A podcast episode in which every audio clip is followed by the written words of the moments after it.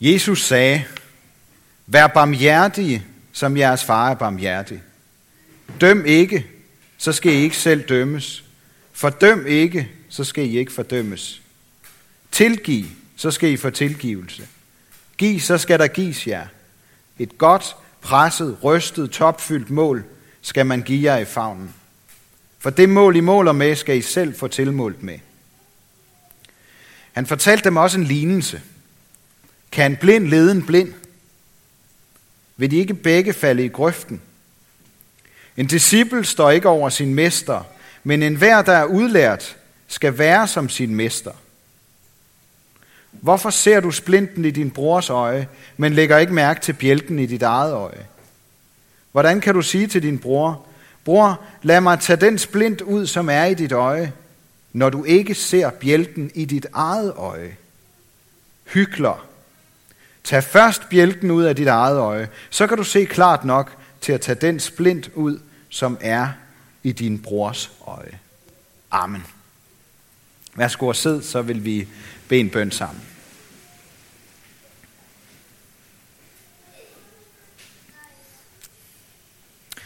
Jesus, jeg beder dig om, at du vil vise noget for os her i dag. Jeg beder om, at du vil være her sammen med os med din ånd. Amen. Jeg ved ikke, om I kender det, men jeg har altid den der frygt for at komme til at øh, køre en cyklist ned, når jeg kører i bil, og så drejer jeg til højre. At der skulle gemme sig en eller anden i den blinde vinkel, som jeg hverken kan se i spejlene eller ved at dreje hovedet. Måske er det også, fordi jeg ofte selv er den der cyklist, som ikke bliver opdaget, når, når bilerne bare kører. Jeg prøver altid sådan, øh, lige at se, om jeg kan, kan registrere en, øh, en bevægelse, der, der viser, at nu vil han eller hun altså dreje til højre, eller måske få øjenkontakt. Og egentlig er det måske slet ikke så tosset at være bevidst om den risiko, fordi det sker alt for mange gange her i vores by, at en uskyldig cyklist kommer til skade i en højresvingsulykke. I dag der skal, der skal prædikenen handle om blinde vinkler. Om nogle af de højresving, vi laver gennem livet, uden at tænke på konsekvenserne. Fordi vi ender med at gøre som alle andre, hvis ikke vi er bevidste om at gøre noget andet. Har vi nogle åndelige blinde vinkler, der gør os inkonsekvente, eller måske ligefrem hykleriske? Hvad er dine blinde vinkler? I sagens natur, så er det jo sådan, at vi ikke selv kan få øje på vores egne blinde vinkler. Det er det, der er det lidt spooky ved det. Eller problemet i det. Fordi hvis vi nu bare kunne se det, så vil vi måske også reagere på det. Vi er blinde for vores egne blinde vinkler. Andre kan se det katastrofale i vores højresving, men vi kan ikke selv se det. Det er vi simpelthen ikke i stand til. Vi har brug for, at der er nogen, der viser os den blinde, blinde vinkel. Og måske også gør det klart for os, hvilke konsekvenser det får, hvis vi bare kører videre på den måde. Den mest brugte bibelske metode til at vise noget for os, det er ved at fortælle en fiktiv hverdagshistorie, der åbner øjnene for den virkelighed, vi er blevet blinde for. Og dem har vi hørt to af i dag. Den lignelse, David får fra Guds profet Nathan, er hjerteskærende. Tænk sig, at en, der har alt, kan finde på at tage fra den, der kun har et enkelt for. Og den, den fortælling, den lignelse, den rammer David lige i hjertet. Så han bliver vred på den rige mand. Da han så hører, at historien handler om ham selv, så falder den løgn, han har spundet om sig selv og sine handlinger, fuldstændig sammen. Han har taget sig den frihed og sove sammen med en kvinde, han ikke er gift med. Han har brugt sine muligheder, så hendes mand blev slået ihjel ved en såkaldt tilfældighed. Det vi i dag kalder at sætte nogen i en urias post. stammer herfra det udtryk. Og så har han brugt sin magt og position til meget elegant at lægge låg over sine sønder. Jeg kan ikke forstå det andet på andre måder, end at David må have haft sin egen historie i hovedet, hvor Urias var skurken, og han selv var prinsen, der reddede sin elskede og gjorde hende rig og lykkelig. Det der med fake news, det er altså ikke noget nyt fænomen. Det ligger til os mennesker og vikler os ind i større eller mindre løgne. Det tankevækkende er, at David sikkert har gjort meget godt, og måske endda skrevet lovsange til Gud, og hjulpet fattige, og, og brugt sine soldater til at beskytte de fattige med, samtidig med den her løgnehistorie. Samtidig med de her ugerninger. Sideløbende med alt det gode, har hykleriet vokset sig større og givet ham blinde vinkler. Og først da han får Guds lys ind over sit liv, så går det op for ham, at han har kørt en mand ihjel med sit spontane højresving i Batsebas retning.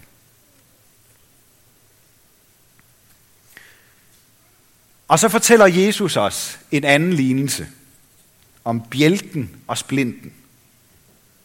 Som vi dømmer, skal vi selv dømmes. Lige et øjeblik, så kan man fristes til at tro, at Jesus mener, at øh, vi skal bare være lidt mere ligeglade med hinandens liv. Pas dit eget. Du har selv større problemer end sidemanden. Du har selv mere skyld end alle mulige andre. Men så prøv at lægge mærke til, hvad Jesus fortsætter med at sige. Han siger, at vi skal tilgive og give, hvis vi selv vil leve af Guds tilgivelse, og selv få rigeligt af ham. Vi skal ikke bare sige pyt, eller at nu er alt som før, men vi skal tilgive. Og det er noget andet. Der er både en splint og en bjælke. Splinten er bestemt ikke ligegyldig. Tænk på, hvordan det er at få noget ind i øjet. Det er ekstremt generende. Og det eneste, man tænker på, det er bare at få det der lille, den der lille et eller andet, der er kommet ind, ud af øjet. Altså man kan ikke tænke på andet, før den er kommet ud. Det skal, den skal ud hurtigst muligt. Sagen er, at vi kan kun hjælpe hinanden, hvis vi tilgiver og giver noget til hinanden.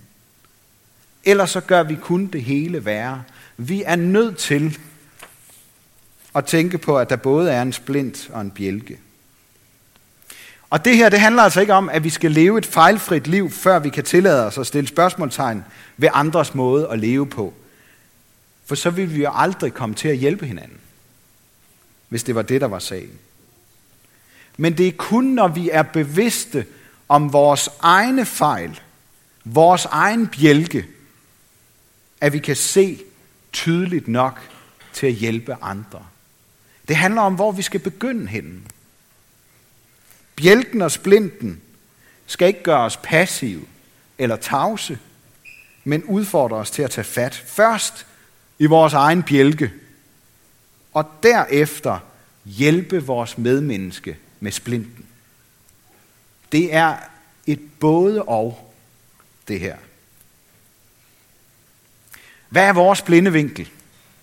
Er der noget, vi ikke ser, eller er blevet blinde for? Det er sådan, at når det handler om synd, så er det altså ikke nok bare lige at pusse brillerne. Det er ikke engang nok at få en øjenoperation, sådan en gang for alle, og så kan man se klart. Det er noget så stort som en bjælke, der skal fjernes. Og måske bruger Jesus så grotesk et billede for at vise os, at vi simpelthen ikke kan hjælpe os selv med det her problem. Kun hvis Guds ord får lov til at afsløre vores blinde vinkler, kan vi komme af med vores bjælke. Vi kan simpelthen ikke sige os selv, hvordan virkeligheden er, hvis ikke Gud får lov til at tale ind i vores liv. Direkte eller gennem andre kristne. Så kan vi, så kan vi ikke se forskel på splint og bjælke. Og det er egentlig ret radikalt udsagn, Jesus kommer med her, synes jeg. Altså, vi kan simpelthen ikke selv. Vi er dybt afhængige af at få åbnet øjnene udefra. Hvad er så vores hyggeleri? Hvor ligger vores blinde vinkler henne? Jeg tror, der er mange af os, som, som gerne vil være små konger og gøre lige, hvad vi vil. Det skal andre ikke blande sig i. De skal ikke komme og belære os om noget, som vi ikke selv har fået øje på. Jeg tror, der er andre end mig, der kender den der følelse øh, af, at der er nogen, der lige kommer og retter på en. Det gider vi ikke have. Nogle gange heller ikke, selvom det er velment. Problemet er bare, at sådan en grundholdning giver de absolut bedste betingelser for hykleri. For ligesom David, så kan vi ikke se, at der skulle være noget galt med os. Hvordan skal en blind kunne lede en blind? Vil de ikke begge falde i grøften? Det er sådan, at, at vores blinde vinkler, man kunne tænke, at det ikke bare vores eget problem. Det er det jo i første omgang, men problemet med blinde vinkler er, at de også skader andre, ligesom højresvingsulykkerne. Dem, der bliver kørt over, den, der i øh, sin blindhed lever, så han selv falder i grøften, og dem, der bliver forledt til at leve som deres dårlige forbilleder, bliver skadet af de her blinde vinkler.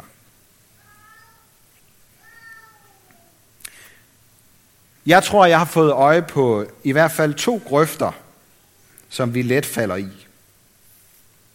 Den første, det er mulighedernes og pengenes grøft. Vi bilder os ind, at det er os, der skaber penge og muligheder. Vi er jo endda nogle af de bedste i verden til det her i Danmark. Og så bilder vi os ind, at alle vores muligheder og alle vores penge, det er vores egne. Og vi lever som om, de alene kan gøre os lykkelige. Så når vi har penge og muligheder, så er vi lykkelige. Når vi ikke har, så er vi ulykkelige. Og så overser vi, at vi både har fået penge og muligheder for generøst at give videre af det til andre. Den anden grøft, det er rettighedernes og begærets grøft. Vi tænker, at vi har ret til at udleve vores drømme og fortjener plads til at udleve vores lyst, uanset hvad. Som om vi var gift, selvom vi måske ikke er det. Eller måske på trods af, at vi er gift. Vi lever som om kroppen er vores ejendom, som vi har ret til at bruge eller misbruge, sådan som vi bestemmer os for. Og så overser vi, at kroppen har vi også fået, for at vi trofast kan tjene andre. Og at det giver, i sidste ende giver den største glæde for os selv, hvis det er sådan, vi tænker om os selv. Og i virkeligheden handler det jo om at tænke større om kroppen, end at det bare er en eller anden maskine, der skal smøre sig tilfredsstilles. Vi må tænke meget større om kroppen. Vi er til for de andres skyld. Og de andre er til for vores skyld. Det er det, bjælken og splinten handler om. Så er der måske også en tredje grøft. Og det er måske i virkeligheden den grøft, det er allersværest at komme op af. Det er det med, at vi dømmer andre for at falde i grøfterne. Problemet er, at hvis vi gør det, så vil vi med sikkerhed selv falde i en grøft før eller siden. Det er det, Jesus kalder hykleri. Det her med, at vi tænker, det er de andre, det er galt med, jeg har mit på det tørre. Og det er måske også den mest skræmmende tanke for os. Det der med, at vi måske ikke er bedre end andre. Eller at vi måske bare er som alle andre. Ikke et hak bedre. Jeg tror, der er mange af os, som måske bare vil stoppe ved den kendskærning, at det er menneskeligt at fejle, og ingen har nogen at lade noget som helst høre. Så kunne vi bare passe os selv, og så øh, kunne vi finde ud af det hver for sig. Det store problem, det er bare, at vi udfordrer sig Jesus til at være barmhjertige, som vores far i himlen er det. Vi udfordres til at tilgive og være generøse, til at fjerne bjælken for at kunne hjælpe vores nærmeste og dem, vi møder med splinten. Det er, for, det er ikke kun for vores egen skyld, vi skal fjerne bjælken, det er også for de andres. Nogle gange så kan man høre kristne snakke om synd som noget, vi skal lade andre leve med i fred. Og det, jeg prøver at stå og sige her, det er ikke, at vi skal fordømme hinanden noget mere. Slet ikke. Det er vi gode nok til. Men når du møder et omsorgsfuldt menneske, der stiller undrende spørgsmål til din måde at bruge penge på, eller mennesker, der bliver kede af og høre om din ligegyldige holdning til for eksempel sex før ægteskabet eller porno, så kunne det være, at Gud vil vise dig en blind vinkel. Jeg drømmer om, at alle, især os, der er ledere her i Aarhus Bykirke, kan være gode forbilleder for hinanden. Og her tænker jeg ikke på perfekte mennesker, der aldrig falder, men som jeg tænker på mennesker, som, øh, som øh, hvad hedder det, som, som er ligesom David. David, der blev kaldt manden efter Guds hjerte. Altså ham, der faldt så katastrofalt. Han blev kaldt manden efter Guds hjerte. Sådan nogle forbilleder skal vi være. Sådan nogle forbilleder, der tillader, at Guds ord og andre mennesker får lov til at sige, du er manden. Du har en blind vinkel.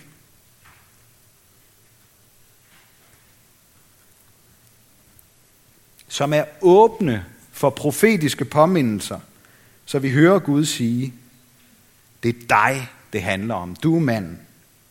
Som mennesker, der lever i kamp for det gode, imod synd og ligegyldighed.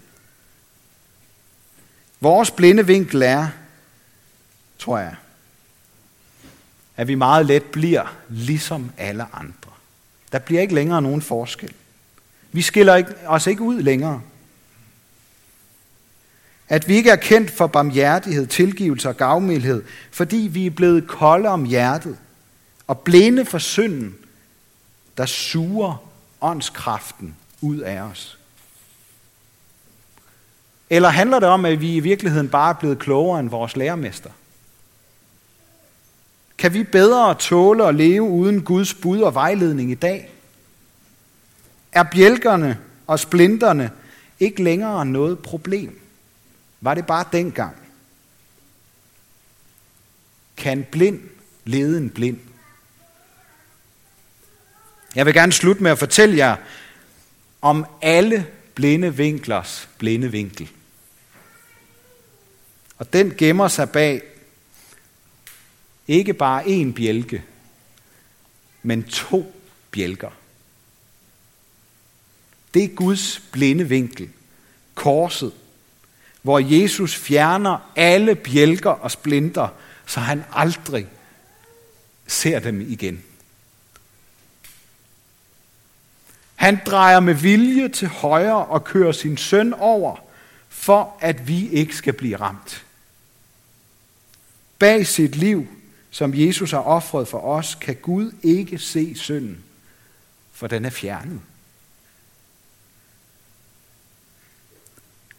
Og ved I hvad? Det er grunden til, at det kan lade sig gøre for os mennesker at se vores egne blinde vinkler i øjnene, uden at gå til af det. Fordi der er en, der elsker os. Fordi der er tilgivelse for alt, stort og småt. Noget, der er sket en enkelt gang, og noget, der er blevet en uhjælpelig vane. Fordømmelse, misbrug og alt slags synd. Der er tilgivelse for det hele. Det er løgn, at ingen har ondt af det, som ingen ser. Det går, går ud over os selv, og det gør os blinde for det gode. Det giver os blinde vinkler, som på et eller andet tidspunkt også kommer til at skade andre, hvis det ikke gør det med det samme.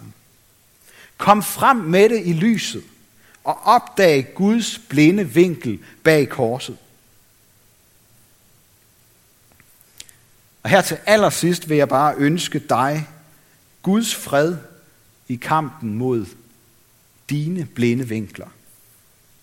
Skift nu bjælken ud med den nåde og tilgivelse, som Gud har lovet at vise. Du går ikke til af det.